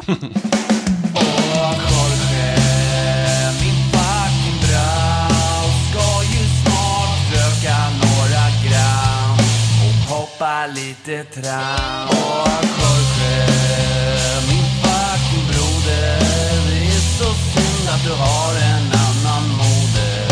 En annan fucking moder. Planning for your next trip? Elevate your travel style with Quince. Quince has all the jet setting essentials you'll want for your next getaway, like European linen, premium luggage options, buttery soft Italian leather bags, and so much more.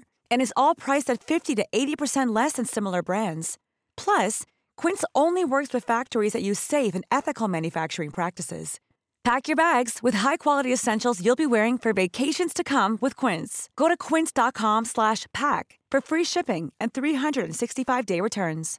Imagine the softest sheets you've ever felt. Now imagine them getting even softer over time. That's what you'll feel with Bowl and Branch's organic cotton sheets. In a recent customer survey, 96% replied that Bowl and Branch sheets get softer with every wash. Start getting your best night's sleep in these sheets that get softer and softer for years to come. Try their sheets with a 30-night guarantee. Plus, get 15% off your first order at bowlandbranch.com. Code BUTTERY. Exclusions apply. See site for details.